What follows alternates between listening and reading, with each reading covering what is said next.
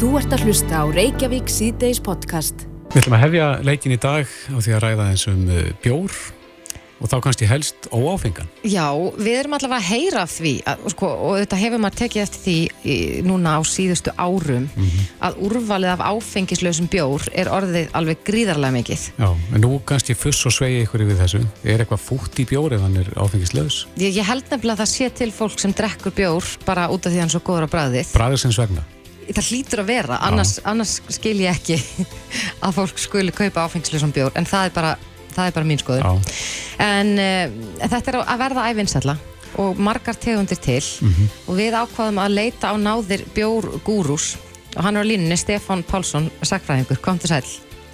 Já, seltir fólkið.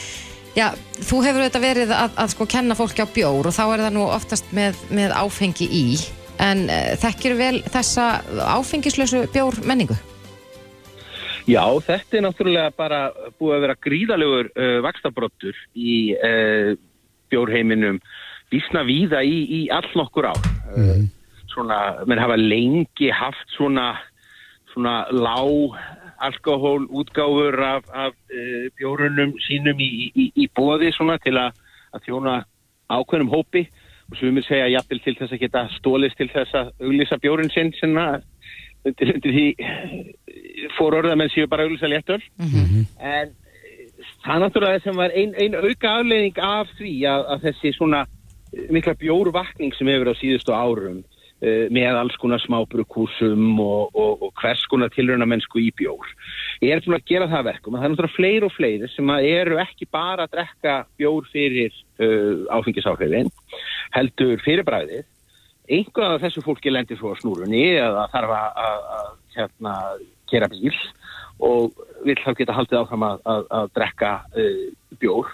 Og þá hefur orðið, orðið þessi bara sprenging í uh, frambóði fyrst af lág alkohólbjórum en síðan hafa voruð tæknibreitingar sem að gera það verkum að nú erum við hreinlega að fá bjóra sem að eru með óverulegt magn af vínanda uh, inn í sér þannig að þeir meiga auglýsa sig sem 0,0%.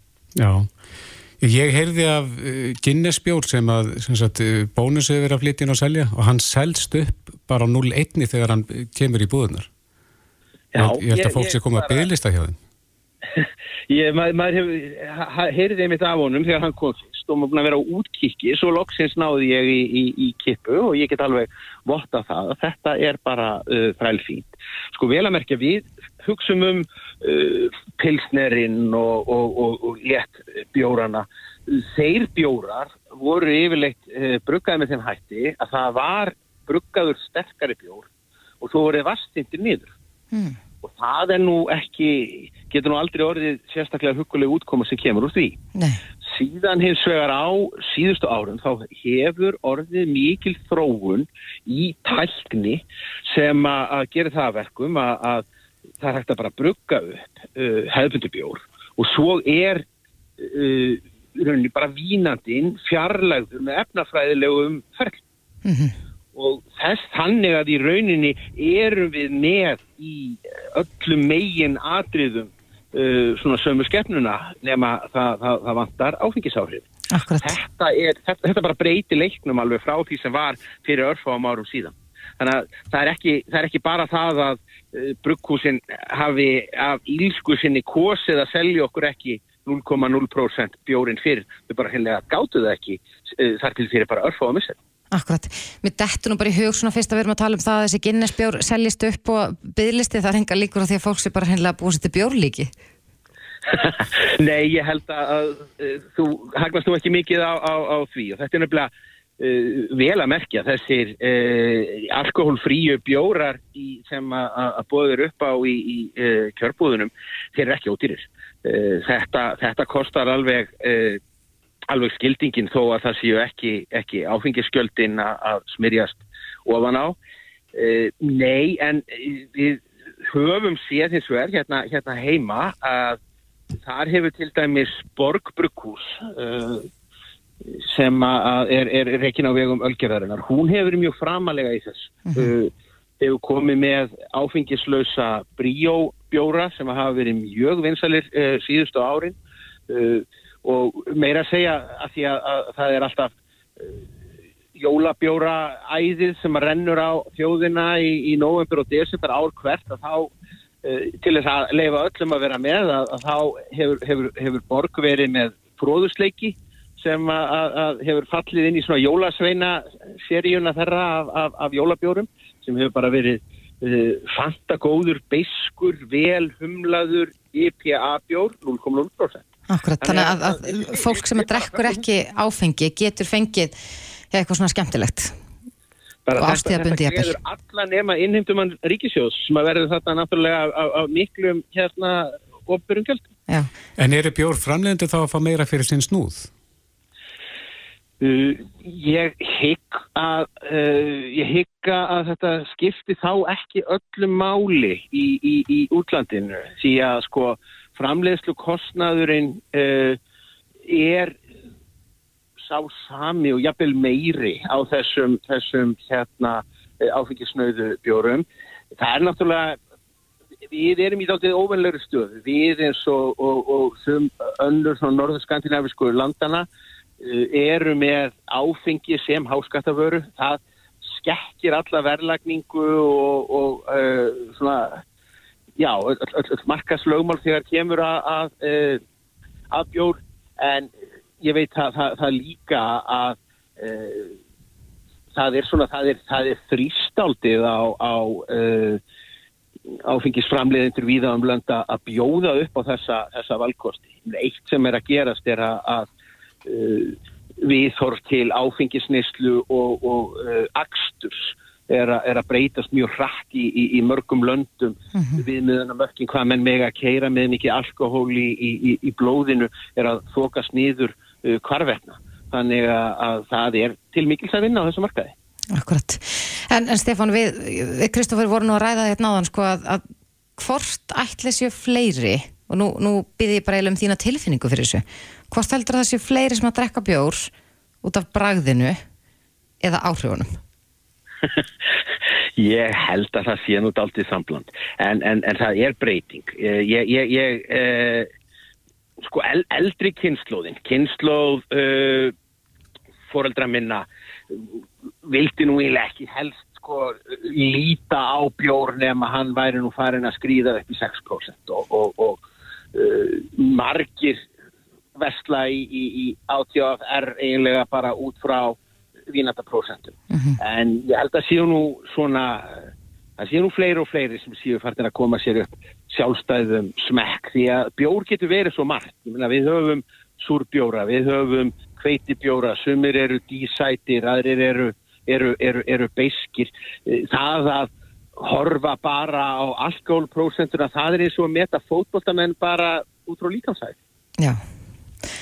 Já, það er greinilega að mörgu að huga. Er þetta svona eins og með, með rauðvin að, að maður þarf ekkert að læra að kunna meta þessa kannski óhæðbundnari bjóra eins og tala um súrbjór og svo er þessi IPA og fleira? Það er held ég bara með flestar fíknir að, að, að menn þróast alltaf með tímanum út í harðara og skrítnara efni. Þannig að, að það byrjar flestir bara á einhverjum ljósum léttum lager og, og svo verða bjóratir stærri og, og, og kröftugari og, og ágengari í, í, í, í bræði. Svo, svo, svo verður maður á einhverju tímapunkti bara að láta skynnsemina ráða og segja stopp. Einmitt. En Stefán, svo rétt í lokina því við erum fann að tala um tilfinningu. Hvaða tilfinningu hefur þú fyrir því? Eru fleiri farnir að halla sér að áfengislausum lífstíl?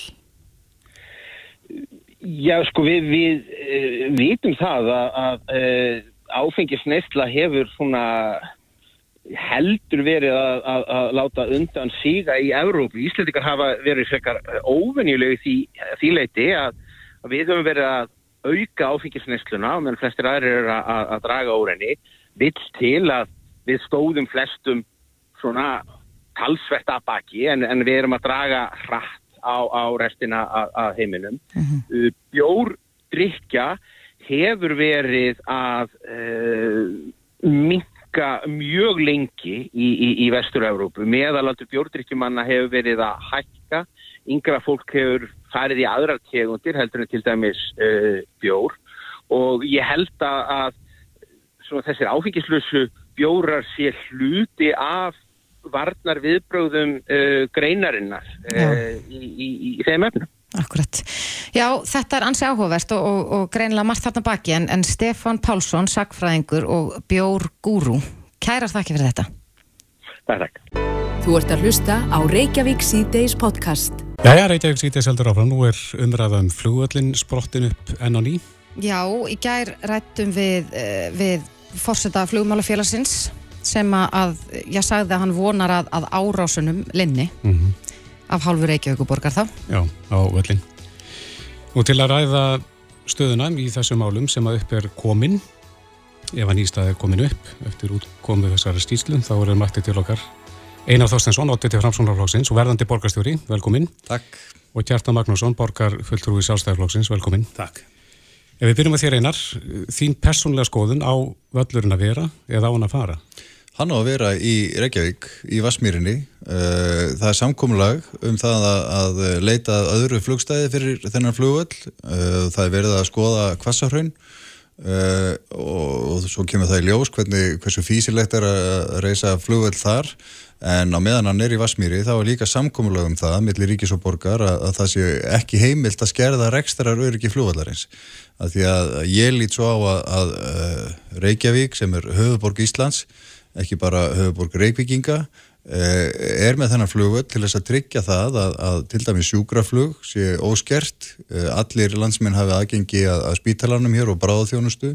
Og svo er þetta náttúrulega gríðarlega mikilvægt varandi einarlandsflug og svo er hann líka varaflugvöldur þótt að hlutverkan sem varaflugvöldur hafi farið minkandi en, en, en það er bara afstafa okkar í framsóknar að, að við þurfum að standa vörðum flugvöldin á meðan hann er í Vasmíri og við erum að, að En er það gert með þessari uppbyggingu sem að er hafinn Já, framsókn uh, innviðar á þeirra, formaður framsóknarflokksins tók í taumana síðasta vor og stöðvaði uh, beindi þeim tilmælum til borgarinnar að stöðva uppbyggingu eða áformum hana Uh, það var áður en að ég uh, kom uh, til starfa í ráðhúsinu.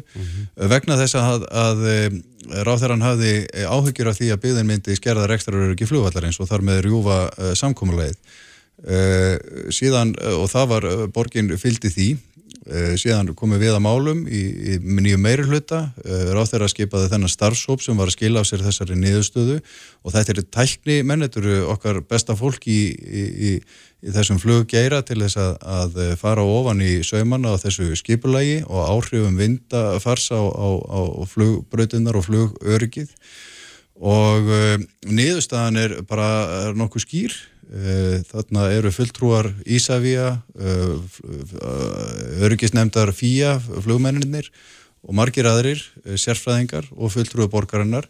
Og niðurstaðan er skýr. Það er hægt að, að, að byggja þetta hverfi en við þurfum að grípa til mótvæðisaðgerða. Áhrifin eru neikvæð á byggðina, nei, neikvæð á flugvöllin eins og öll byggð á þessu svæði, líka flugskílið sem var reist fyrir ekki löngu síðan, uh, en, en með mótvæðisaðgerðum þá er tryggt að rekstarar öryggi flugvallarinn skerðist ekki, sjúkraflug er ekki hættu, innanlandsflug er ekki hættu og þetta er bara mjög vönduð og góðu niðurstaða, en það var nöðsilegt að fara í þessa vinnu uh, vegna þess að, að uh, það skiptir gríðarlegu máli, ekki bara fyrir reykvikinga, heldur alla Íslendinga að flugvallurinn uh, funkar eins og hann á að funkara. Og hver eru mótvæðis aðgerðina sem að... Mótvæðis aðgerðina sem að tala er um er að, að skoða hæð byggðarinnar þannig að Uh, uh, til þess að draga úr áhrifum uh, vind áhrifunum á flugbrautinnar og lendingarsvæðin. Og það er nú þegar búið að lækka byggðina við jæðra við jæðrana næst flugbrautunum mm -hmm. en, en það þarf að skoða þetta aðeins betur heildstætt mm -hmm. síðan er líka mikilvægt að, að vera með svona vindtemprandi ráðstafanir inn í e, svona, svona, bara með landslagsmótun í kringum þessa byggð en líka inn í göduna þannig að það myndist ekki svona vindstrengir út úr, út úr uh, hverfinu og svona eitt og, eitt og annað. En aðalatrið eins og, og bendið verið á í, í skýslu bæði Eblu og, og hollensk uh, hérna, fyrirtæki sem að greindi þetta fyrir Ísafi á sínum tíma að uh, vera með skýra leiðbenningar þegar það myndast svona ekstrím aðstæður þar sem að geti myndast kvika uh, svona ókýrð að vera þá með skýra leiðbenningar til flugmanna og þeir, það er alveg eins og eftir hérna, hlýðarendakverfi þegar uh, flugmenn voru að læra inn á hlýðarendakverfi þá komu fyrst nokkra tilkynningar um, um, um slík atvik en síðan læra menn inn á það. Og það var líka þannig með flugskili þegar það var byggt það myndast alltaf svona nýjar aðstæður þegar byggt er í kringum flugöld og þá þarf, að, þá þarf að tryggja það að menn hérna, séu með réttur upplýsingar og, og, hérna, og öll, alls öryggis ekki gætt. Já, Kjartan, uh, þið í minnilhutanum Hvernig lítið þið á þessa stöðu? Einar er nú búin að fara ansi ítarlega yfir það, sko, hvað kom fram í þessari skýrslu, þessar mótvæðis aðgerðir. Telur þú að þær dugi til að, að tryggja öryggið á flugvöldunum? Ég minnst nú bara ótrúlega að hlusta á einar flyttis að ræðu. Við sátum hérna saman í borgarstjórni í gerðkvöldi og þar greiti hann atkvæði með, með deiliskyplagi og öðru sem mun ganga og, og skerða reksturöryggi flugvallarins Svo kemur hann bara hérna breyttum aður í dag og segir að þetta sé allt bara í lukkuna velstandi og hann standi með, með flugvöllinum. Þetta náttúrulega næri ekki nokkur í átt. Uh, þessi 40 sína skýslar sem er hvernig flest er þess að lesa, það, maður þarf nú ekki að hafa mikið lesingling til að sjá að, að það, er, það eru settir ímsi fyrirværi þessari skýslu og þessi færu sérfræðingar sem uh, einar er vitni í sem koma skýslunni og ég tek undir þetta með færi sérfræðingar þeir eru sjálfur að vera við þessu eins og, eins og Orri Eiríksson, hann var í fjölmjölum með helgina og hann, honum líst illa á niðurstöðuna í, í, í skýslunni þó hann hafi auðvitað skrifa, menn skrif undir að þeir, þeir eru sér nefnd. Nú öryggisnefnd félags íslenska atvinnufljómana var að senda frá þessu álutnu bara fyrir klukkutíma út af, út af, út af skýslunni þeir, þeir harma uh, þess ákvörðin innaríkis á þeirra að fara gegn samkómulaginu frá 2019 það sem það átti að tryggja þetta restaröryggi á meðan undirbúningi og gerðin ís fljóallar standi þetta er, þetta er unni bara, uh, bara svikið og það sem er að gerast er það við, við höfum séð það í 20 ár sko, samfélkingin ætlaði að, taka, ætlaði að slá flúillin af bara með einu höggi. Það tókst ekki og, og uh, uh, mikil meirfliti landsmanna og, og góður meirfliti regnbenga vill ekki, ekki flúillinu burtu og vill tryggja restarörki flúallar eins vegna innanandarsflugs, björgunarflugs og, og sjúkraflugs. En af því að samfélkingunni tókst ekki að slá flúillin af í einu höggi þá fóruðir aðra leið, fóru að þjarma á hannum, svona þrengja flugullinu hér og þar til þess að uh, taka, taka braut og, og gera þetta svona erfið að byggja í kring, vitandi það á endanum þá því rekstraöryggið og öryggið skert svo mikið að það var ekki hægt að lenda lengur. Og því miður þá hafa fransónumenn í Reykjavík, þeir hafa gengið samfélkinguna á höndi, höndi þessu máli, bara fransónuflokkurinn sem er núna með held ég 5% fylgirsamkvæmt skoðanakonunum er, bú, er búin að semja við samfélkingunum borgastýr á stólinn og einar sé borgastýr á stólinn í hillingum og í staðin er hann tilbúin að selja frá sér þetta, þetta málipni sem framsóna menn hafa í Reykjavík hafa löngum verið tröstur í en er ekki lengur og ég nefndi hann sem svona hugmyndi gær að, að uh, vitna til þess að 2014 þá, þá böðu framsóna menn í Reykjavík framöndu nafninu framsóna fljóðallafinir að því að þeir til að ítrekka stöðning sem er flugullin og gerðu það bara vel á því kjörtanabili en uh, nú ættu þau kannski að bjóða fram næst undir nafninu framsókn og flugallar anstæðingar það myndi, það myndi hæfa þessum viðsnúningi þeirra vel. E, Já, sko á þegar flugallirum var byggður fyrst, þá voru svona skottgrafir í kringum hana því að hann var byggður á strístímum og umræðan um Flugvöldin hefur einmitt verið í áratvíi nákvæmlega þessi ræða sem að kjartan er að halda hérna núna. Bara svona skotgrafa hugsunarháttur þar sem að e, þetta er einhvern veginn bara allt saman annarkort eða annarkort með eða móti. Og gögn og rannsóknir það bara skiptir einhver máli, fólk fer bara fram og, og segir e, eitthvað byggt á tilfinningum. Og eðlilega er þetta tilfinningamál en eh, okkar erindi í framsókn er að vinna bara að þessum málum út frá gögnum.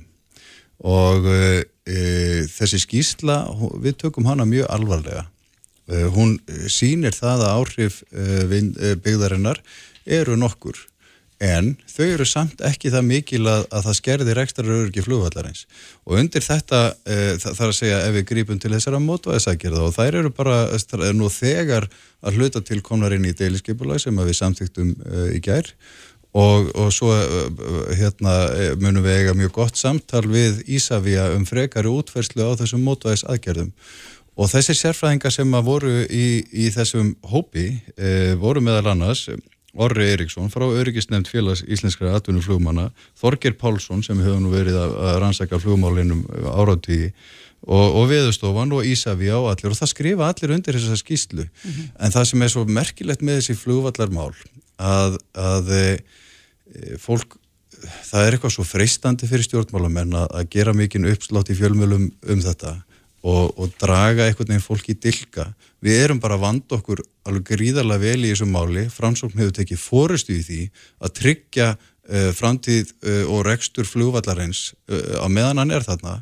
En það er líka... En það er verið að þrengja hann með þessum áfram? Já, öll byggð þrengir.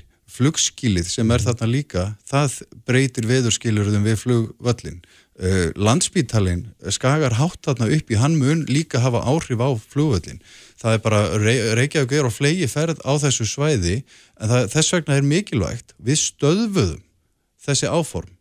Hann greip í taumana og við fórum í þessa ítalegu greiningu og ég held að við ættum bara að treysta eh, treysta hérna sérfæðingunum í þessu og, eh, og framsókn mun ekki gera neitt sem að skerðir eh, rekstraröryggi flugvallarins og tefli sjúkraflugi hættu, ég menna Eh, sko framsókn og flugvallavinni það er gott að minnist á það ég er bara þannig gerður að ég tengist dauðum hlutum ekki neinum sérstökum vínóttuböndum ég er bara mannvinnur og ég vil að, að, að fólk uh, allstaðar á Íslandi hafi aðgang að, að bráða þjónustu, við, að við séum með höfuborg sem að þjónar allir í uh, öllu landinu og hérna og býð með þessuna ekki framhundin einum merkjum heldur um bara framsóknar. En, og við vinnum, vinnum máli bara svona. Já, það er bara mjög vandað og, og hérna og, og, og þessi svona æsingur í málinu, hann, hann hjálpar engum. Horfum sko, bara gögnum þetta er samt ákveðin þversögn vegna þess að Kjartan, þú myndist nú á Orra Eriksson sem átti sæti í þessar nefnd og já, hann segir bara skýrt og skorunástónum lítist illa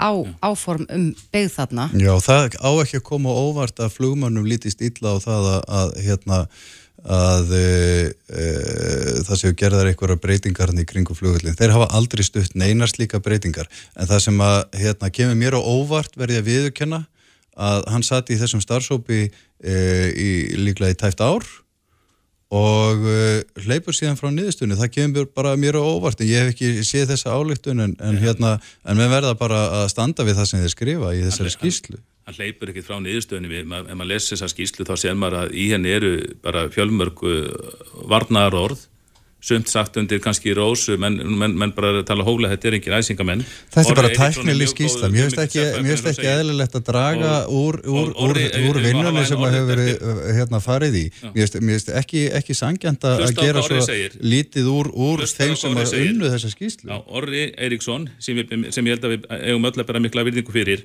og hann er nú alls engin æsingamæður hann segir orðið rétt Nótakildi vallarins mun skerðast. Það munu verða erfiðleikar á áallunaflugi þetta mun hafa veruleg áhrif á sjúkraflug. Og hann segir líka þetta mun valda því að það þarf að nota Glasgow flugöld miklu oftar sem varaflugöld fyrir keflæguflugöld og málið það að maður getur lesið, þetta er svona getur, ég, ég seti nokkur svona viðkvæmur starfsópum og það er bara mjög þekkt að, að þegar að, að stálinstinn mætast inn á hóp, hópum en náttúrulega ákveða að skila skýslu þá eru gerða málamiðlanir og svona kannski, kannski loðið orðalag þannig að menn geta lesið minnstættar hlut út úr þessu.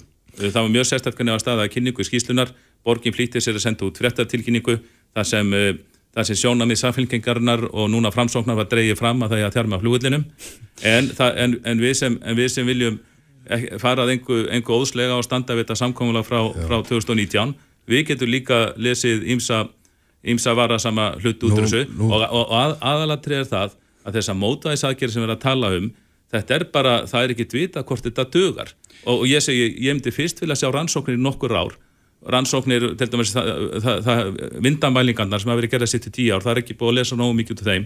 Ég hefndi fyrst vilja lesa, út af þessum mælingum síðan ákveða hvort það er að byggja hérna einasnes eða hvað þetta heitir og eh, en, en þessi meiri hluti en gerir eh, veist, eh, eins og þessi meiri hluti gerir svo oft það er bara skoti fyrst, það er bara fyrst á að byggja svo bara sjá til hvort þetta, þetta dýr ekki og samfélkingun er alveg saman þá dýr ekki því þá losnar við flugullin sem hefur verið stefnað samfélkingarnir í alltaf fjónum. Nú er, nú, nú er hvetiði bara til þess að rétt úr þér og kíkja þessu upp úr skotgröðunni. Eh, ég meina Ísafja, Reykjavíkuborg og Innviðaraðanettið sendur frá sér sammeila uh, fréttatilkynningu um þetta mál vegna þess að um niðurstöðuna ríkir eining.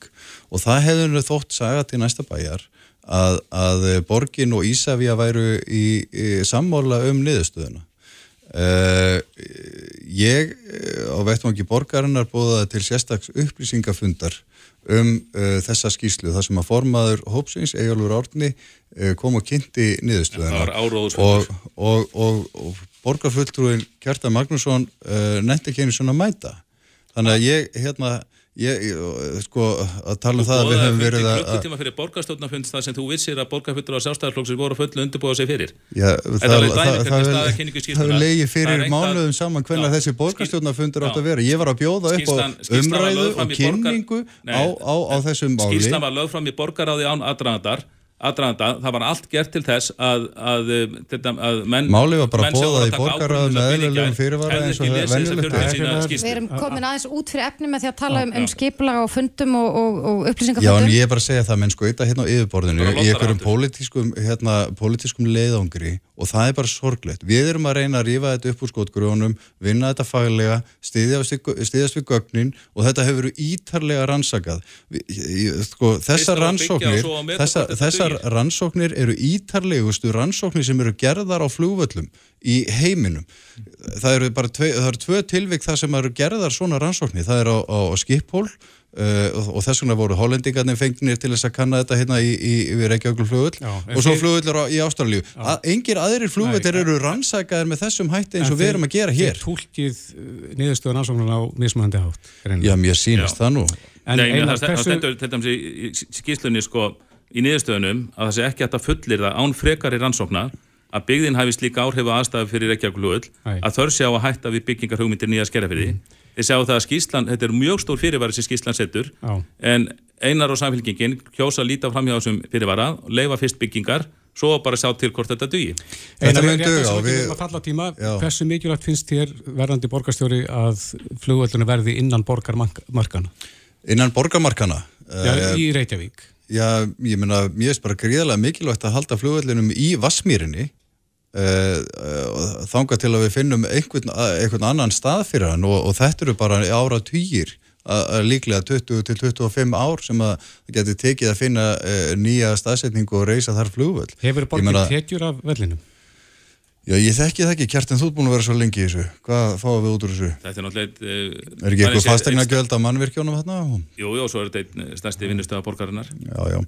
En ég menna þetta er ekki spurning um peninga. gott Þetta er bara, sjálfsagt, sko. þetta er bara snýst um það að, að við þurfum að hlúa vellinu. Það er, það er, það er hérna, mikilvægt að endur nýja flugstöðuna þarna uh, að því að flugullurinn er þarna um, um hérna, í, í, næstu framtíð. Þannig að hérna, það þarf að byggja flugstöðuna og það hefur nú reynda verið lagt til en ekki mætt mikill, miklum velvilja hjá fjármálaráðunitinu þannig að hérna, sjálfstæðismenn mættu kannski hugsa það ef þeir vilja uh, vernda flugullin að, að greiða fyrir því. Já, uh, við komumst í mér ekki lengra. Einar Þorstinsson, átviti framsóknarflokksins og Kjartan Magnússon, borgarfulltrúi sjálfstæðisflokksins. Takk kærlega fyrir komuna. Takk fyrir. Þetta er Reykjavík C-Days podcast.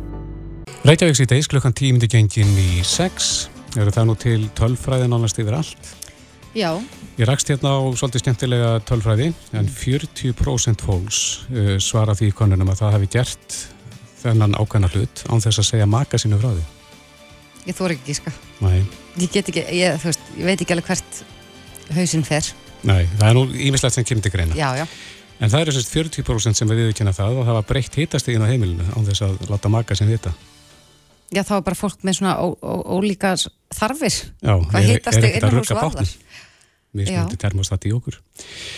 Herðu en, e, talandi um tæknina og tölfræði, e, gerfigreindin, hún er svolítið umræðinu þessa dagana.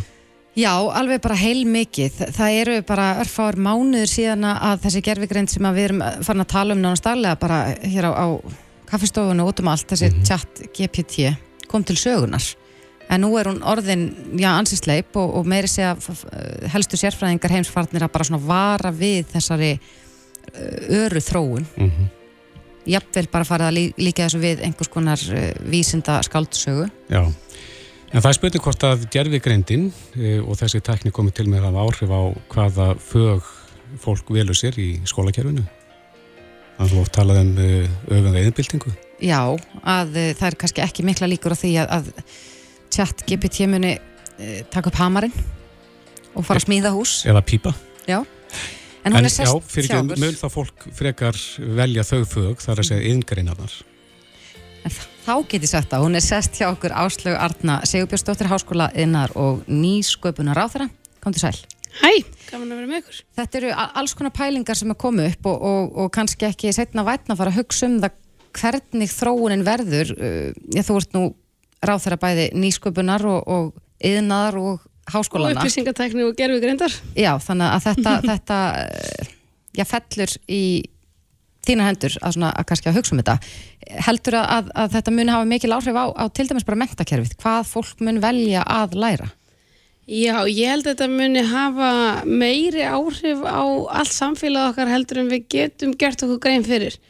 Hefur verið svona ótti og umræða um þessa verðandi byltingu gerfi greindar í mjög langan tíma. En hún hefur ekki verið mjög nálátt okkur. Það er að segja að það kannski ekki fyrr en eins og þú lýsir hér í upphafi að chat GPT opnar í lók november í fyrra að hún verður svolítið aðgengileg fyrir okkur og við áttum okkur á því algjörlega beint hvað hún getur gert. Við höfum auðvitað talað við ímis spjallmenni á í bæði stofnunum og fyrirtækjum en við höfum ekki haft svona aðganga uh, svona miklum gagnagrunni uh, gerfugreindar áður.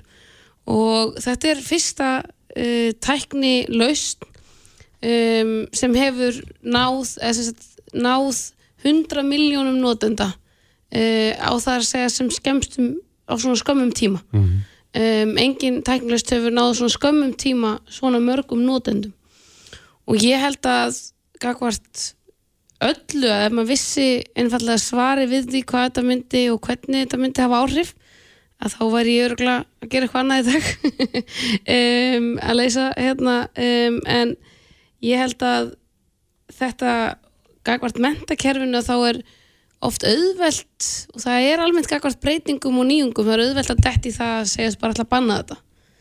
Banna að nota þetta til að skrifa ritgerðir. Mm ég held að það hafi verið Ítalía sem bannaði forritið sem sjálft. Um, það er nú flestir krakkar sem kunna nú að uh, tengja sinna á netið og vera bara í öðru landi og, og, og fara fram hjá slíkum bönnum og þau duga mjög skamt þannig að í þessu fela skrýðarlega tækifæri en líka stórar hættur og við þurfum að byrja að ræða það og passa að vera ekki úr sein áður en þetta einhvern veginn svona áður en við náum ekki að átt okkur á þeim breytingum sem munu verða á samfélaginu okkar. En hvar líkja hættunar?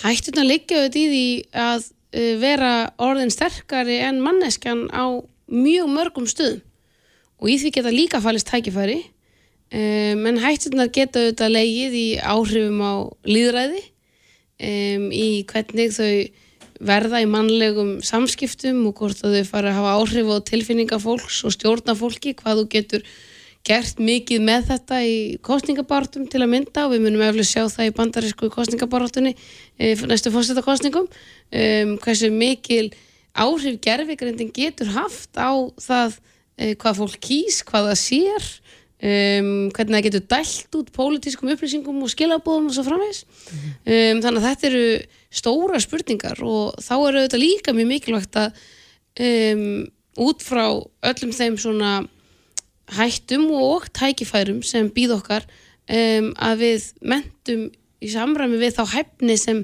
þarf til þess að standast hana snúning.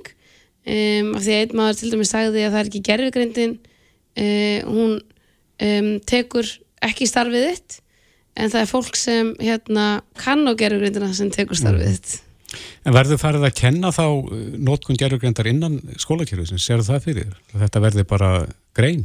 Já, að minnstakosti miklu meiri hefni í tækni Mm um, og það er mikil þörf á því um, nú þegar og mun bara aukast um, að fólk kunna nýta sér tækni, skilji hvað er á bakvið um, svona þætti um, á sama tíma gaggrina hugsun um, og líka vaknaði þetta upp ákvæmna siðferði spurningar.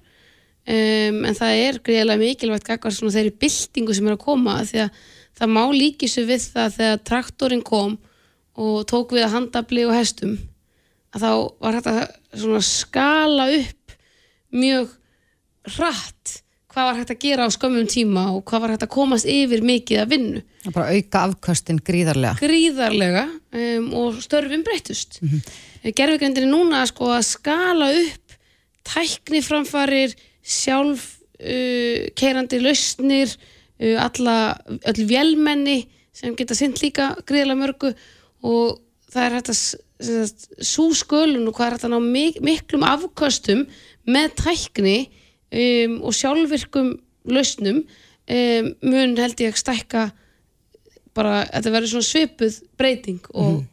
En, en, en eins og Kristoffer myndist á einn áðan þá eh, má nánast hann segja þessi öfu yðnbylting ef að, ef að já, gerfigreinding getur fara að gera ímislegt sem við höfum hingað til gert með handabli ímislegt í tölvum og, og, og bara þess vegna ég, ég náttúrulega hef ekki ennþá prófað að nota þannig að maður áttar sér ekki eins og möguleikunum en hins vegar þá sér maður ekki fyrir sér að, að gerfigreindin fari að, að smíða hús eða leggja pípur rammagn, allar þessar yðngreinar sem að, já, kannski hafa verið á undanhaldi, við höfum verið svolítið að íta fólki að fara í háskólana og, og uh, tala um að séu allt og fá pláss í tækniskólum og fleiri þendur. Ættum við að leggja núna áherslu á það að, að ég kannski að hlaupa aðeins hraðar og vera á undan og ebla yngreyndan?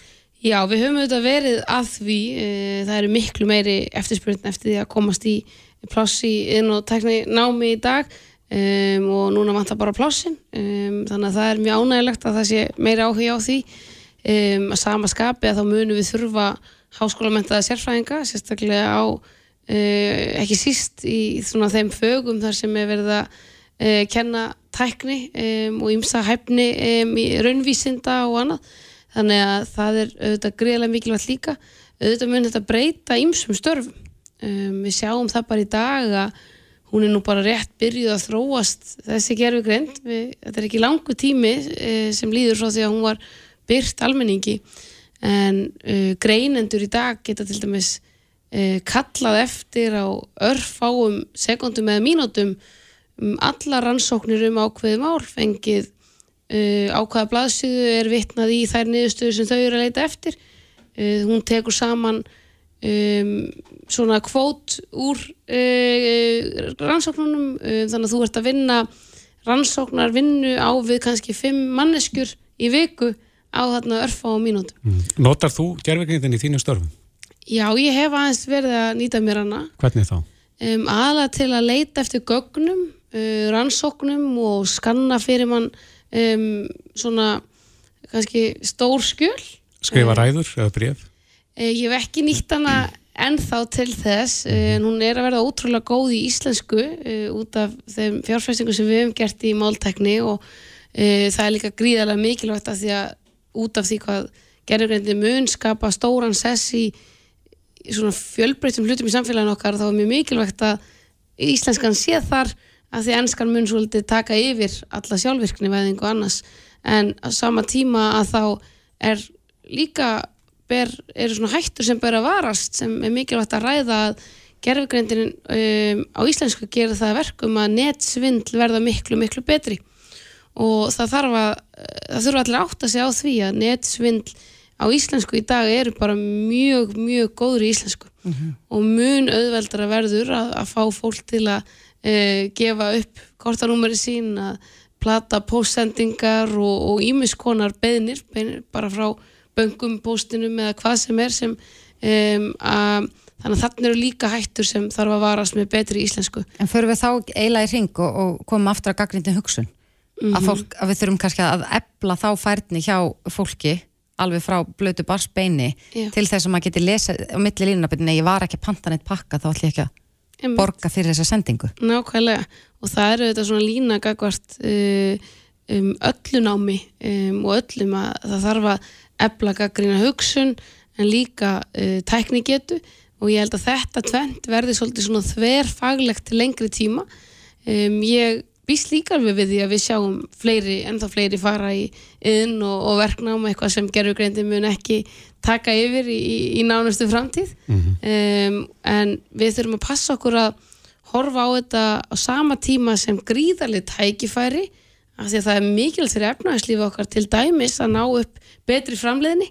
Um, það er bara mjög brínt efnahagslegt verkefni í dag uh, í samfélaginu en á sama tíma uh, að varast þær hættur sem hún mun óhjákvæmilega skapa ef við gerum okkur ekki grein fyrir þeim Þú ert ráð þeirra háskóla, mála uh, og við fengum fyrir eftir því um daginn að það fólk hafi verið staðið á því að skrifa heilu mastersritjarinnar með þessari tækni.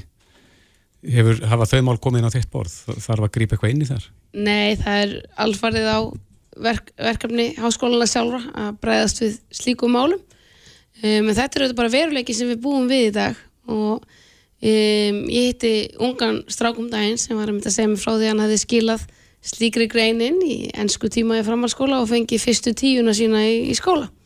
Um, hún hefði verið það góð og, og kennan hefði ekki séð að þetta hefði verið skrifið, skrifað gerfugrindinni um, það er þessi nýting tækni sem við munum bara ekki geta horfst framhjá. Og við þurfum átt okkur á því að mentakerfi okkar þarf að aðlagast að þessu og átt að segja á því að þú uh, þarfst kannski að fara að kenna öðruvísi hæfni og vit og, og, og svona verkvit kakvart verkefninu. Um, heldur en það að ætla að forðast tæknina um, og segja að hún sé bara hættuleg eða að það sé auðveldast að bannana En það sem að þessi strákur viðurkjöndi fyrir þér að skila þessu inn, þessu verkefni, er þetta svindl eða er þetta bara eðli nýting á tækninni? Það má þetta segja í einhverjum eðlum heimi að þegar þú byður nefnendur um að skrifa rítgerð þá er þeir að skrifa rítgerðina sjálfur um, en þú getur ekki og það er bara eins og með ímis bóð og bönn sem virka ekki að þá myndu aldrei geta uh, haldið uppi samfélagi í samkeppni við önnu lönd sem ætla að nýta sér tæknina. Og það er svo samkeppni sem við verðum líka í til lengri tíma. E, það er samkeppni um það að framleiða vörur um launakostnað við framleiðslu á, á vörum e, við hvernig við erum að menta og hvernig við ætlum að líka nýta okkur gerfigreindina og skapa af því útrúlinstekjur og verðmætti af því að við sjáum nú bara hvaða stór risar það eru í bandaríkjónum sem núna eru e, lang sko fremstir í þessari þróun og óhjákvæmilega munu uh, tekjurnar renna allar þangað ef önnur lönd ætla ekki að hlaupa í rétt átt. Já, ég held til mér að komast ekki lengra og þetta er eflust ekki í síðasta sinn sem við ræðum um gerfi grindina hér en Áslu Arna Sigurbjörnsdóttir, Háskóla innar og nýskupunar á þeirra. Takk kærlega fyrir komuna. Takk fyrir mig. Þetta er Reykjavík C-Days podcast.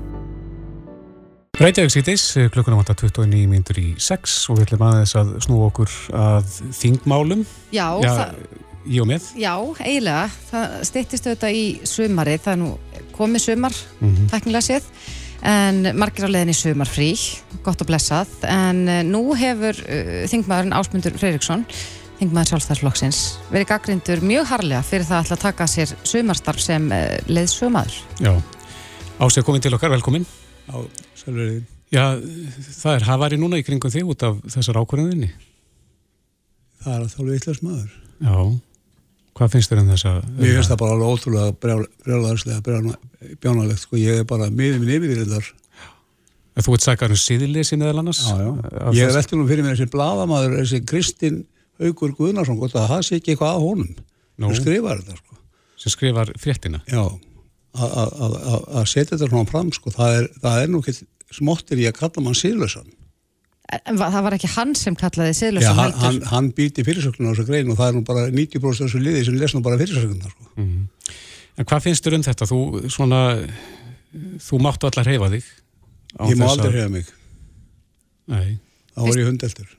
Finnst þér þú verða meira fyrir barðin á slíkri gaggrinni heldur en aðrir þingmenn? Já, það er bara allir sammáluð það í þinginu, sko. Þannig er það.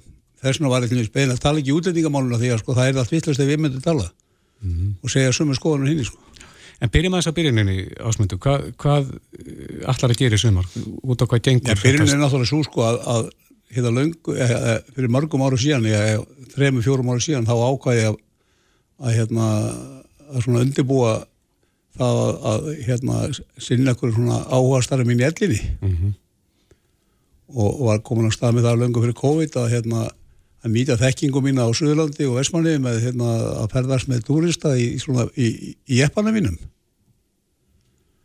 Og, og svo fór þetta náttúrulega allt út, og, um, út um víða völl í, í COVID-inu og, og svo var ég náttúrulega sem fyrra sumar að þá hérna þá konið ljósa að ég þurfti nú að vera með leigubílapróf ég hafði ekki átt að með á því. Þannig að það prestaðist ég þurfti að taka leigubílaprófið og, Og þú hefur gert það. og, og svo náttúrulega vildi ég hafa þetta alltaf hreinu þannig ég stopnaði félag um þetta mm. eðlis, að því að sko málið var það sem hefur náttúrulega ekki komið fram hvorki á mér öðrum að ég ætlaði að vera starfsmæri á öðru fyrirtæki sko. eða verktaki og þess vegna vildi ég hafa bara mína hlut á hreinu og hérna, eins og með bækuna mína sem ég hef gefið út, ég hef bara látið hérna endur skoðanskust og rukka fyrir mig inn og hafa þetta allt saman á hreinu og, og hafa sama með þetta fyrirtæki, þannig ég ákvað að stopna lítið ferðarþjónustu fyrirtæki, þingmannaleið sem að myndi þá sjá um að rukka inn launin mín hjá þeim aðlum sem ég ætlaði að keira fyrir. Mhm. og, og hérna og ég er náttúrulega ekki búin að sækja um leifi fyrir bílið minn ennþá til að keira þannig að hérna já það nú eftir kannski ætlaði mér nú að gera það en, en ég hef sérst ekki fengið leif, ekki sóttu leif á bílinn ennþá. En ég kom með prófið og, og, og ég kom með aðeila sem að vildi ráða mig vinnu. Og, og hérna og ætlaði bara að nota mig svona þegar að hérna þegar að mikil, mikil kúvar væri þá vantaði starfsmenn. Og hérna Allar að vinna þessi störf á meðan þú ert í fríi frá störfum þingsins? Já, já, það, ég er semst búin að henni bara upp hérna starfsmanninu sem að sér um þetta fyrirtæki.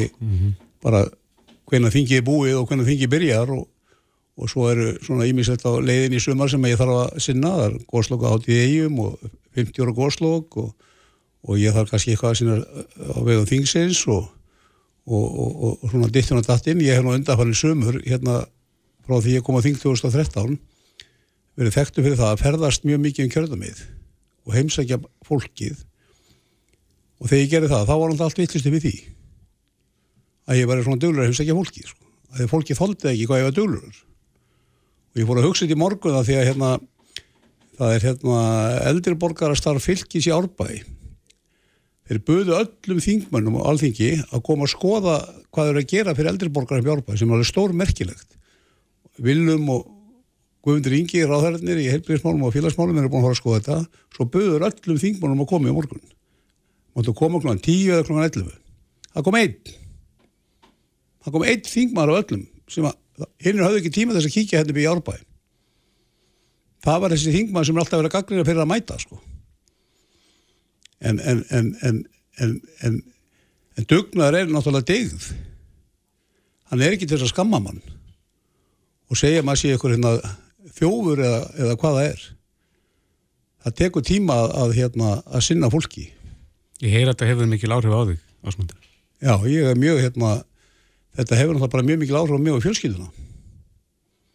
Og það er þannig að þó að fólk sé að segja við mann að þetta sé ykkur hálfvitar sem að sé að tala svona um mann að þá er sko þá er það þá er það vond fyrir hérna fyrir manni minni stöðu að vera ásakaður um, um svona hluti eins og ég hef gert.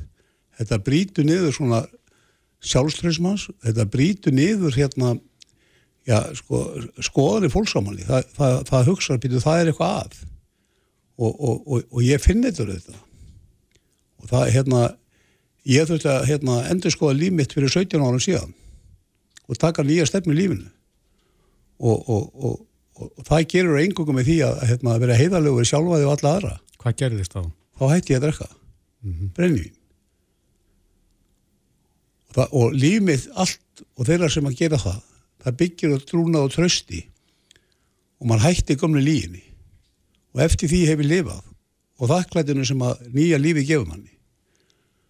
Og þess vegna er þetta mjög hérna, mikilvægt fyrir, fyrir okkur að hérna að það sé ekki alltaf verið að reka svo onni mann ykkur svona þvælu og lígi að fólki sem hefur aldrei talað við mann veit ekki hver maður er hefur aldrei séð mann jafnvel. Og þegar ég er að lesa hérna, statusuna á, á síðunni hjá honum Jónu Óskari skáfrandaminum að, að hérna, ég þekki náttúrulega ekki, ekki einast að kjafta þessu liði sem að þó hefur efna að, að kalla mig spiltan og, og, og, og ég, ég vil þetta að taka það nafnu upp bara og ég veit ekki hvað frændamennu gekk til sko hann er örgulega komið með malbíkseiturinn Er, er algengt að þingmenn takja þessi rannu störf yfir söma tíman? Veistu til þess? Veiti til þess? Það er bara fjöldi þingmanna sem að fara í önnu störf. Mm -hmm. Það eru fjöldi þingmanna sem hefur stundar nám. Alla sín þingverðiljafil. Það eru fjöldi þingmanna sem hafa stundar kennslu í háskólunum, í mentaskólunum, með, með fram þinginu. Þannig að þingmenn hafa nú bara gert ímislegt. Þingmenn hérna eigur eitthvað fyrirtæki. Þingmenn eru bændur. Þannig að hérna Finnst ykkur það aðtúavert? Er ætlast til þess vegna þess að, að ég tók nú eftir því í, í fréttinni um, um þetta að uh, já, þann, hann, hann sem skrifar þessa, þennan pistil Jón Óskar sem myndist á einn áðan að hann, uh, ég vill að þú, þú likir yfir þingskjölum er ætlast til þess að þingmenn séu nýri þinghúsi á sumrin að, að að gera eitthvað, nú bara fyrir, fyrir þá sem þekk ekki hvernig sumar fríið ykkar virkar. Nei, það sé ekki bara þessi annari vinnu, sko, sko þing, þing í flestum Európa-löndum og svona nákvæmlega löndum standa yfir 100 daga á ári. Og hérna og, og svo erum við að sinna þetta ímsum málum. Við erum við að, ykkur í þingmennir að semja lagafröður og þingsáleitarinn tillegur og alls konar og, og gera og græja. Það er bara þessi öðrum störfum. Hluti að starfi þingmannsins eru þetta að sinna fólkinu sem þeir þeir eru umbjóðandi fyrir. Til dæmis í bandaríkjunum þá er, þá er verið að stýtta vifurinn þinginu til þess að, þingmenn þar hafi, er mér sagt til, þess að þingmenn hafi lengri tíma að sinna sínum kjósundum þannig það er alls konar svona, svona hlutir í gangi.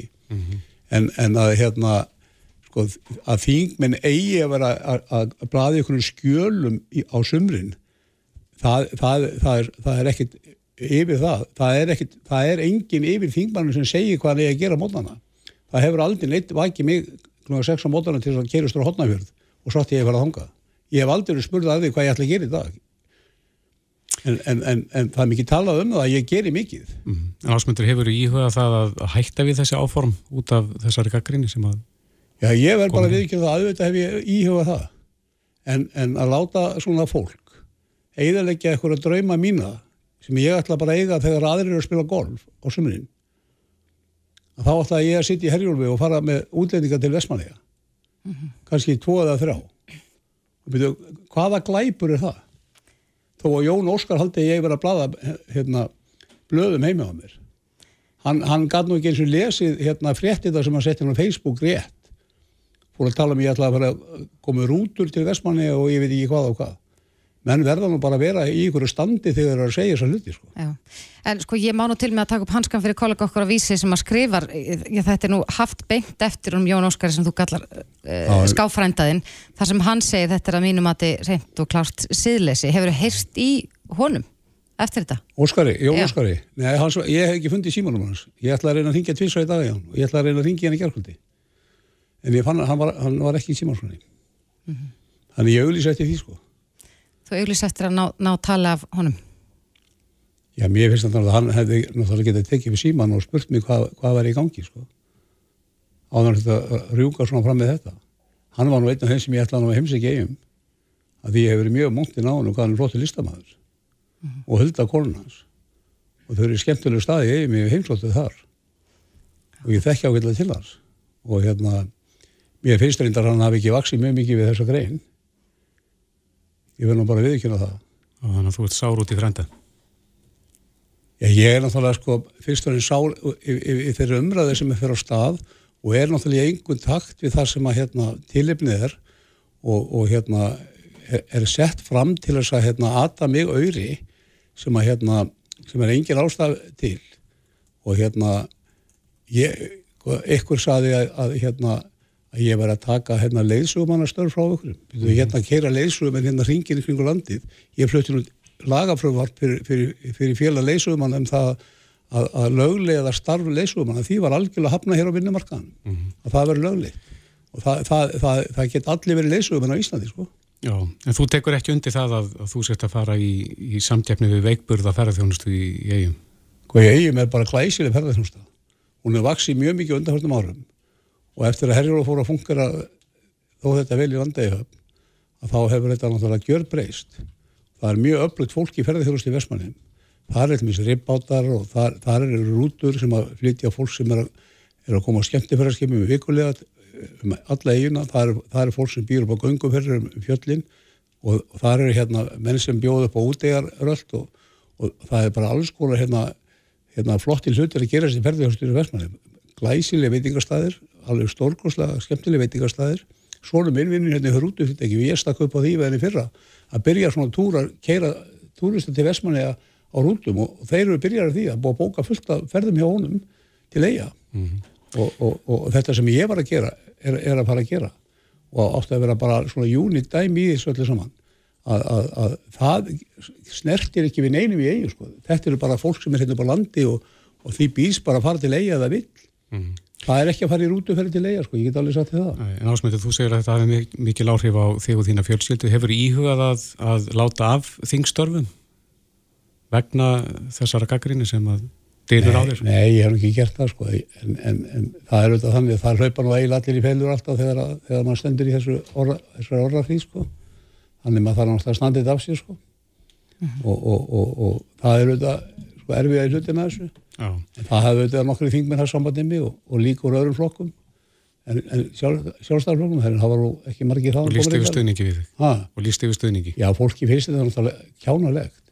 Það er auðvitað fullt af fólki sem að, hérna, er með góða mentur sem vinnur í þinginu og, og, og, og það hefur bara nýtt sér á sumrin. Mm. Lögfræðingar og, og fólk sem að, hérna, nú þórum ekki að segja starfsetina því að þá fara með mér þá, sko. Hvenar svona rétturlokkin, hvenar ferðu fyrstu ferðina? Ég er nú bara búin að aflýsa fyrstu þrejum ferðunum út af þessu. Sko. Þannig það er nú bara þannig. Já. Þannig ég ætla nú bara aðeins að hérna, átta með þessu. En, þa en það, er, það er óþólandi í landi þar sem að hérna, það er svona lít, er, ríkir frálsræði og í landi þar sem að hérna, þar sem ég hef verið gaggrindu fyrir að vinna á mikið að, að, að, að ég skul ekki meiga í, í frítíma mínum sinna áhuga máli sem ég hef búin að býða eftir mjög lengi að geta sinn og hérna þegar aðrir er að spila hérna átjónhólur í golfi sem að tekur sex tíma að þá ætla ég í sex tíma skoðan að ferja með útlýning mm -hmm. er, er, er, finnst, finnst ykkur það að, að það sé mikið brota á mannreitnundum annara að ég geri það og ég skemm ekki fyrir neinum liðinni Setta punktin hér, Ásmundur Freyriksson, þingmaður og vantarlega leðsögumæður. Kæra þætti fyrir kominu. Ég er náttúrulega bara leðsögumæður, ekki og ég er bara leðsögumæður. Takk fyrir komina. Reykjavík síðdeis á Bilginni podcast. Við höldum áfram hér í Reykjavík síðdeis og ætlum núna að snú okkur að umræðu sem að hefur nú verið tekin oftar en einu svona áður mm -hmm. og það er umræðan um já, sjúkra þyrlur. Já, við heyrðum í gæri í slökkulistjóra Brunavarna Árninsíslu sem að sagða að það væri komið tími til þess að dusta reykið af þeim áformum að koma hér á lakirnar sjúkra þyrlum sem að væri svona eins og sjúkra bílar í loftinu. Mm -hmm. Og þetta er auðvitað í tengslum við viðbrastíma. Það uh, lést maður við, við gullfoss fyrir uh, skömmu síðan og það tók rúman klukkutíma fyrir mm -hmm. viðbrasaðala að koma á vettvang. Já. Auðun Kristinsson, frangværtastjóri aðgerðasviðs landilgis gæslunar er komið til okkar, velkomin. Já, selvverið, takk fyrir. Já, þessi umræði komin upp enn á ný og, og sprettur alltaf upp annarslægið. Það hefur verið skipaði starfsópar um, um þessi mál. Hver, hver er staðan? Staðan í þessu máli er nú svo að uh, heilbyrðisraðanætið er að leiða starfsóp sem við eigum þátt í og ég tóku þátt í á samt öðrum fagaðilum í sjúkrafluningum á landi og séu og hérna og þar er verið að skoða leiðir til að stitta viðbrastíman og við tökum alveg hilsuðar undir með viðbrasaðilum og kollegum okkar á Suðurlandi að það þarf að stitta viðbrastíman og hérna það er verið að vinna því og við höfum lagt þar til nokkara leiðir til að betur með að nýta þyrlunar okkar sem eru nú einu sjúkara þyrlunar, sjúkara björguna þyrlunar sem eru starfræktar í landinu í dag. Við hefum lagt til leiðir til að stitta þennan tíma sem hérna, viðbrastíma okkar. En er ekki verið að tala um, þegar er verið að tala um sjúkara þyrlur, þá er verið að tala um minni þyrlur eða ekki, sem eru svona sprækari og, og sneggri á stað? Jú, umræðin hefur verið svolítið um það. Okkar skoðin er svo að við eigum og erum með þrjár öflúar björgunar og sjúkara þyrlur í dag.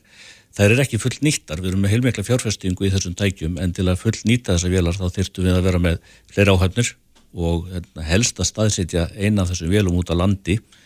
Það skal hafa það í huga að viðbrastími austur og fyrði getur verið um tver tímar og þetta útkall sem var rætt um hérna í síðustu viku sem að tók okkur um 40, 40 mínútur að komast á staðin að ef við höfum þurft að fara austur á norðausturland þá hefur þetta verið tefið tver tímar. Þannig að við teljum af að breynt að, stitt, að byrja til að stitta viðbrastíman á norður og austurland með því að staðsetja eina vel að staðaldri á þessu svæði, annars eigirstöðum með Akureyri. Og hérna það hefur verið svona okkar eina okkar megin tilum pluss það að bæta við áhafnum til að við getum fullt nýtt þessi tæki sem við hefum í dag. Já, við höfum auðvitað heyrst af því, já, ítrekkað að undan förnu kannski að, að já, það hefur ekki gengið nægilega vel að manna og, og þetta andla strandar kannski líka á, á samningum við flugmennina. Ef að, ef að það er því sett einn þyrrlót á land, hvernig væri hægt að tryggja það að það væri hægt að nýta hana? þetta snýst eh, fyrst og fremst bara um fjármagn og hérna bara við höfum fjárveitingar til að ráða fólk sem við þurfum þetta hefur ekkert með það að gera hvort að við fáum fólk eða ekki þetta, er bara, þetta snýst um fjármagn og ekkert annað En með þessar þyrlu sem eru til nú þegar uh, frá því að útkall berst eða uh, beðinni eftir aðstóð, hvað er lengi verið að koma þyrlun í loftið? Sko, formlega þá er útkallstímin okkar 60 mínútur, en raunin er yfirleitt svona 25-30 mínútur í útkallum sem er fyrst í forgangur. Mm -hmm. Við erum með bakvattakerfi, þannig að áhafninar okkar eru heima og sér á bakvatt eða út í bæi eða hvað sem er. En með því að fjölga áhafnum hjá okkur, þá getur við verið með staðarvakt, allavega hluta sólarhengsins, þannig að þetta á myndu þá geta komast í loftu kannski 10-15 mínútum eitthvað slíkt. Mm -hmm. Hver er drauma tímin, sko, hvað þetta var þar, að komast í loftið og af stað á vettang? Þetta væri best að vera bara með áhafnum staðinum og svona 10-15 mínútur sem þetta tæki að koma okkur á staðin, með því að vera með eina þyrlu fyrir norðan eða austan eilstöðum aðgureri og eina í bænum þá ættu að geta sendt öllu landinu svona á 60 til 90 mínútum sem væri bara mjög mikil framför frá því sem er í dag. Pluss það að við erum að hafa það í huga að í dag erum við ekki að sinna öllum sjófærendum sem skildi, við erum þrjá fjóra mánuð ári getum við ekki sinnt stórun hluta sjófærenda þannig að með því að stíga þetta skref og auka sjúkarflug á landi með því að bæta mönnununa hjá okkur þá getum við styrt sjúkarflug og björgunarflug út á sjólíka og þjónustað hérna, þann hluta landsmanna miklu betur heldur en er í dag. Mm -hmm. En svo er mismunandi undir hverja þessi þjónust á að heyra. Sumir vilja þetta heyra undir uh, heilbriðis uh, þjónustuna uh, en þeir vilja vantilega þetta heyri undir gæsluna eins og, og þyrli þjónustan í dag. Við í sjálfum sér viljum það ekkert endilega sko, okkur er alveg sama hver það er í sjálfum sér, en mm -hmm. við mhm. teljum skinsanlegt og að það sé fjármennu sé best varið með því að hafa þetta einni hendi að við erum ekki að búa til annan flugræstarar aðila til að sinna sjúkraflugi á Íslandi og hérna, við erum með flugræstar leifi, við erum með hérna, viðhalstjónustuna og við erum áhafnunar og, og það er langt skinsanlegast að hérna, samnýta þetta fólk og þennan mannskap og þennan tækjakost árið að farið í einhverjar hérna, fjárfestingar í og að stopna fleiri flugræstarar aðila. Mm -hmm. En það er eitthvað skoðun að við ættum að, að nýta betur þessar stóru þyrtlur sem við eigum nú þegar og höfum í staðin fyrir að fara í þessar minni lettari sem við rættum um við náðan? Já, sko, við höfum ekkert á mótið þessum minni vélum, við teljum bara að það sé full ástæð, það sé bara skinsalett og hagkvæmt að full nýta þessi tæki sem við eigum, þegar við erum búin að bort nýta þau, að þá er góðu kostur að fara í minni vélar sem að er að nýta þegar við erum betri, við höfum sko yfir 40 ára reynslu af hérna, sjúkraflugi í núrandi mynd og við höfum reykið á alls konar þyrlur og hérna, okkar reynsla af minni vélum sérstaklega vetunar er ekki sérstaklega góð þannig að hérna, við svona, getum harfuga við því að fara í minni vélar allavega sem einhver vetartæki og hérna, það er ástæði fyrir því að við erum með núvarandi tækjakost En geta þyrluna sem að þið erum í dag, geta þær gert allt það sem að litlu þyrluna geta gert? Já, já, og meira til sko. Á og þetta snýst náttúrulega bara um að geta flóið landslut á milli í þessum þessar veðráttu sem við búum við. En mm. við höfum ekkert á mótið þessum minni vélum sem auka þegar hérna búið er að full nýta nú er þetta tækjakost og þetta var snýst bara um að fara vel með peninga og skynsemi. Hvað leggja þessir hópar til sem hafa verið stopnaði til þess að skoða þessi mál? Það, það var náttúrulega alls konar tilúr verið á, á ferðinni, varðandi, já, minnil þyrlur í einstakar landslutum og svo framvegis. Og hérna, þetta er náttúrulega stjórnvaldi að taka þessu ákvörðun, en þetta er bara það sem við leggjum til að, hérna, ítrykka að við fyrir vel með peningana og nýtum þessa fjárfæstíku sem við erum með í dag. Já, hvað, hvað þurftu að bæta við miklu fjármagni til þess að þetta er eins og á að vera að veika mati? Sko, þetta er sennilega svona, sko, með því að bæta við einni áhug til liðbóta til að ná í raun og vera alltaf með tvær þyrlu til tags að það er einhverjum 400 miljónir ofna starfstöð út á landi það er náttúrulega snýst bara um að byggja skílið sem er kannski hérna 200-300 miljónir vantilega svona gróft sem myndir skjóta á þannig að ég held að við ættum geta komist mjög vel af sko, með einhverja 600-600 miljónir í viðbót við okkar ekstur og hérna í einu fullkomna heimi væru við með 8 áhafnir í staðin fyrir 6 í dag það er áhafnir til viðbótar og þá getur við verið með staðarvakt uh, hluta sólarhengsins og vilja staðsettur út á landi líka. Hvar þýrt að staðsetja þær? Það er eins og við segjum, þetta væri best að vera á Akureyri eða Egilstöðum og þá með tengingu við sjúkraflugum íflugs inn á Akureyri og hérna það væri hafkamast. Hvað með Suðurlandið? Suðurlandið er náttúrulega best þjónaðas, þjónaðasvæði í dag sko. Við erum, hérna, við erum með allar okkar velar á Suðurlandi og hérna útkastími austur fyrir fjall á Östuravík tekur þetta einan klukkutíma svona ef við komum sér lofti á þessum 20 mínútum 20-30 mínútum þannig að ég sjálfum segja Suðurlandi bara það svæði í dag sem að færa eitthvað besta þjónustu og við telum að það væri betra og skynsalera að byrja því að auka og bæta þjónustuna á út á landi fyrir austan, norðan, vestjörðum áður en við förum að bæta mikið við Suðurlandi Mm -hmm. en, bara rétt að lokum við erum alveg að falla á tíma en, en ja, þetta er ekki fyrsta skipti sem þetta verður rætt og þú talar um starfsóp hvenar með við búast við niðurstöðu frá þessum starfsópi og ættu við vera bjart sína það að verði einhver ákvörðun tekin í kjálfarið Nú held ég að þetta snúðist bara meirum peningar sko heldur en og fjárveitingar heldur en kannski niðurstöðu starfsópsins mér sýnist nú starfsópur vera svona nokkuð hérna á sama máli að það þurfa að styrkja og bæta þessa tjónustu en svo snýst þetta bara um fjárveitingar sem eru settar í verkefnið Já, Já. Auðun Kristinsson, farangvæmtastjóri aðgjörðarsviðis landeldís Tjærslunar, tjæra þætti fyrir komuna. Takk fyrir svo leiðis. Hlustaðu hvena sem er á Reykjavík C-Days podcast. Jæja, nú ætlum við að snú okkur að já, húsnæðismálum. Já. Það er mikið búið að tala um það að auðvitað er, er húsnæðisverði í, já, kannski ekki hæstu hæðum. Það hefur nú lækkað eitthvað svona lítilega en hins vegar að þá er gríðarlega erfitt að komast af legumarkaði. Ég held að það sé nú bara hægt að fullir að það. Einmitt. Og svo eru þetta verið að þrengja að, það eru reglur Sæðalabankans sem að settar voru til þess að svona þess að tempra markaðinn og uh, samtök leyenda hafa verið mjög ötul í sínu starfi að benda á sko hversu hátt leiguverður orðið. Já, og hefur verið krafað um eitthvað svona leigu þak. Akkurat. En Lára Ómarsdóttir, fyrirhandi fréttakona, hún er í fréttum dagsins og segir leikumarkaðin hér á landi vera komin út fyrir öll velsæmismörk. Velkomin, Lára. Takk fyrir það.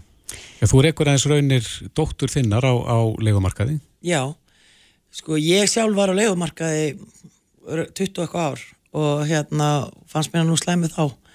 Uh, tókst að kaupa mér íbúð 2020 Dótti mín aftur um átti, hún er á leikumarkaði og hún hefur verið mjög heppin undanfarið ár með sinn leigusala, bara eindalist maður, en uh, nú svo komið hún sem búin að missa það húsnaði og fer á stúfana að reyna að finna eitthvað annað og það er bara ekkert vit í þessu, þetta er bara rugg. Hvers slags upphæðir eru við að tala um? Þetta er bara, uh, sko, við erum að tala um 250 lámark bara fyrir litla íbúð. Og veist, hún er ekkert að sækjast eftir einu stóru, hún er bara veist, með eitt lítið batn og ætla bara að vera svefnerbyggi, stofa, eldús skilur, má með þess að vera stúdjó en það bara, þetta er svo hátt orðið leiguverðið að það, þetta bara, það, hún hefur ekki efna á þessu.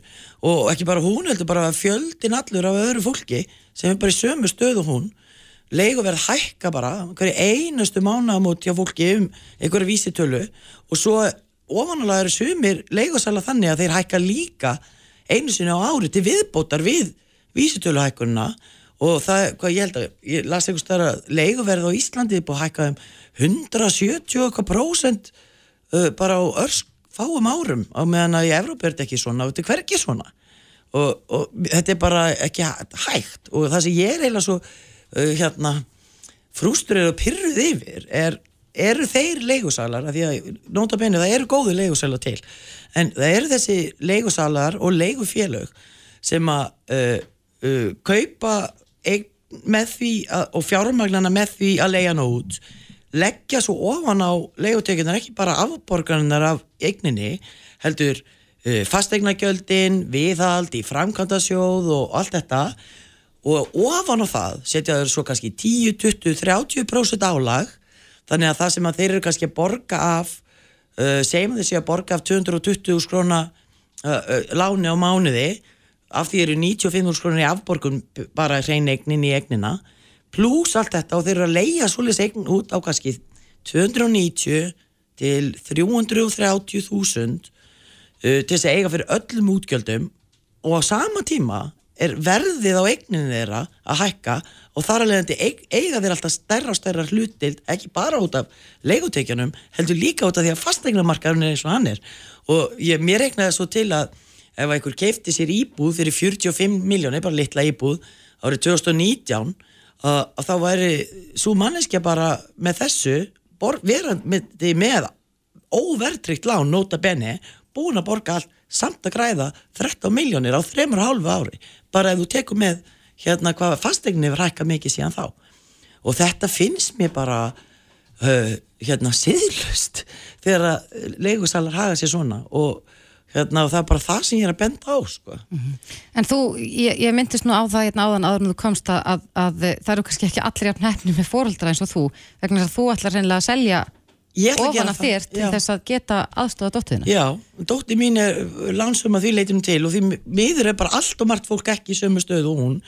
Að ég ætla, sérst, við hérna keiftum okkar fyrir þarna fyrir þremur árum og við ætlum að hjónin að minka aðeins við okkur og á móti uh, fá þá íbúð sem er með auka íbúð í kjallara.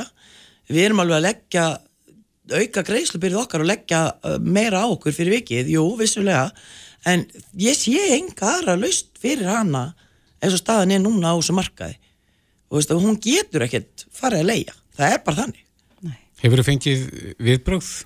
eftir ég að fengi þessar- mjög mikil viðbröð, já. Já. og þú veist, ég er svo sem líka alveg tekið eftir umræðinni því hljótið hafa gert það líka og já. bara og hérna, þetta er náttúrulega bara hægt að hafa þetta svona það þarf bara að fara að gera eitthvað í þessu það þarf bara að fara að setja á annarkvort leiguþak eða setja okkur reglur um það eins og var hérna í gamla daga þegar ég var að byrja að leia þar sem að mátti bara hækka leiguverð uh, eitthvað x oft á ári um einhverja prósentu. En ekki að það geti hækkað bara um 100 og okkar prósent á bara mjög stuttum tíma. Það er mm sjálfljótt allir að sjá að þetta er, er ekki í lægi Er íbúin komin á sölu? íbúin mín er komin að sölu, já En svo kannski, svo kannski tekst mér ekkert að selja hana er fastegnamarkaðin heldur ekkert í góðu standi Það er skilur þanga til verður hún bara að búa þá í stofunni hjá mér að ég sé ekkert annað í stöðinu með það sko Mhm, Það var nú umfjöllun uh, í, í kjarnanum fyrir uh, ekkert svo löngu síðan. Það er svona að tala um það að sko 453 einstaklingar og lögæðalar á Íslandi eiga fleiri en sex íbúðir. Heldur að þetta sé hluti af já, þessum stóra vanda hversu margir eiga margar eignir og geta grætt á tá og fingri eins og þú uh, listir hérna á? Já, sko, mér sýnist vandin bara snúast helst um það að það eru leigusalar þarna úti sem að eru bara að reyna að græða eins mjög mikið þeir, og þeir mögulega geta, bara eins mikið og mögulega geta, þeir halda uppi verðinu. Uh, leigusalar sem eru kannski bara að leia eina íbúð eða, eða eitthvað slíkt, þeir eru ekkert að halda uppi verðinu og ég meina meðal leiguverð, meðal leiguverð í Reykjavík eh, er sko 200 og, og hvað var það, sjö- 70.000 eða eitthvað Mm. þú veist, og þá erum við að tala um að sumir er að leiða á lágt og aðri miklu hærra. Það er meðalverð. Uh, þannig að ég held að það sé, já það er, þetta er gríðalegt tækifæri fyrir þá sem eiga peninga til þess að græða meiri peninga, það er bara þannig. Það, það gefur auga leið. En þú ert ekki að fara á leigumarkaðan aftur? Nei, ég ætla ekki að gera það, vonandi ekki. Nú hefur þið samabörðin. ha, Nú, þú hefur samanburðinn, samabörðin núna. Er, er betra að vera í eigin húsnaði? Já, það er ódýrara. Uh, þegar ég var að leia uh, þegar ég keipti mína þá lækkaði greiðslubyrði mína á mánuði uh, um 120.000 og þá er ég að tala um uh, afborgarnir mínar og lánin og húsinu fastegnagjöldin og viðhald og allt.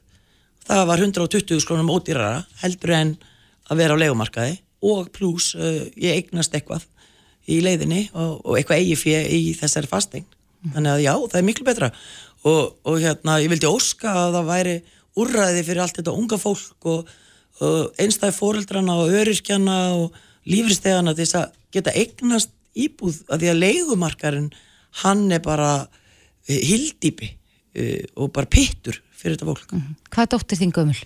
hún er á 30 aldri Þessi er, er hún, er hún uh, ja, bara bjart sín á það sjálf að komast eh, af legumarkaði og geta eh, fjárfest sjálf nei, í fasteign? nei, nei, nei, nei það held ég hún sé ekki sko, ekki svo staðan er núna Nei. og ég, hún ger það ekkit í bráð held ég Nei. það er bara, það, þá þarf hún bara að eignast einhvern pening og hérna og ég held að það fólk sem getur keift ungt fólk sem getur keift í dag sé bara að fá ég það hlýtur bara að vera að fá lánaðan pening hjá mömmu og pappa eða eitthvað svona. Ég bara get ekki séð og getur sapnað þér neinu og meðan þú ert að borga heimin á að fjára þér á mánu í leigu. Nei. Plus heiminn hafa fjárhæði svo sem í allt, allt annað. já, nákvæmlega. Þannig að þetta er bara uh, vítarhingur þú, þú setur bara fast þarna á, á þessu markaði Já, þetta er ekki góð staða og uh, já, eins og þú bendir á þá, þá kannski er þetta mm, tilefni fyrir stjórnvöld að, að gríp í taumana. Já, þau bara mættu að vera búin að þið fyrir sko.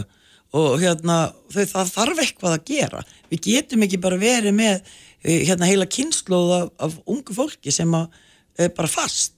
Það er bara fast heim hjá mamma og pappa eða eitthvað staðar í, í, veist, það, það bara gengur ekki upp einhver tíma þarf þetta fólk að geta fara bara að lifa sínu lífi skilur og, og, og líka bara allt, a- allt þetta fólk sem að býr við fátækt hérna á Íslandi í dag ég er bara, þú veist, það þarf að gera eitthvað Já. Lára Ómarsdóttir, fyrirvændi fréttakona, kæra þekki fyrir komin og gangi ykkur vel í þessari vegferð ykkur. Já, takk fyrir það Reykjavík síðdeis á Bilginni podcast.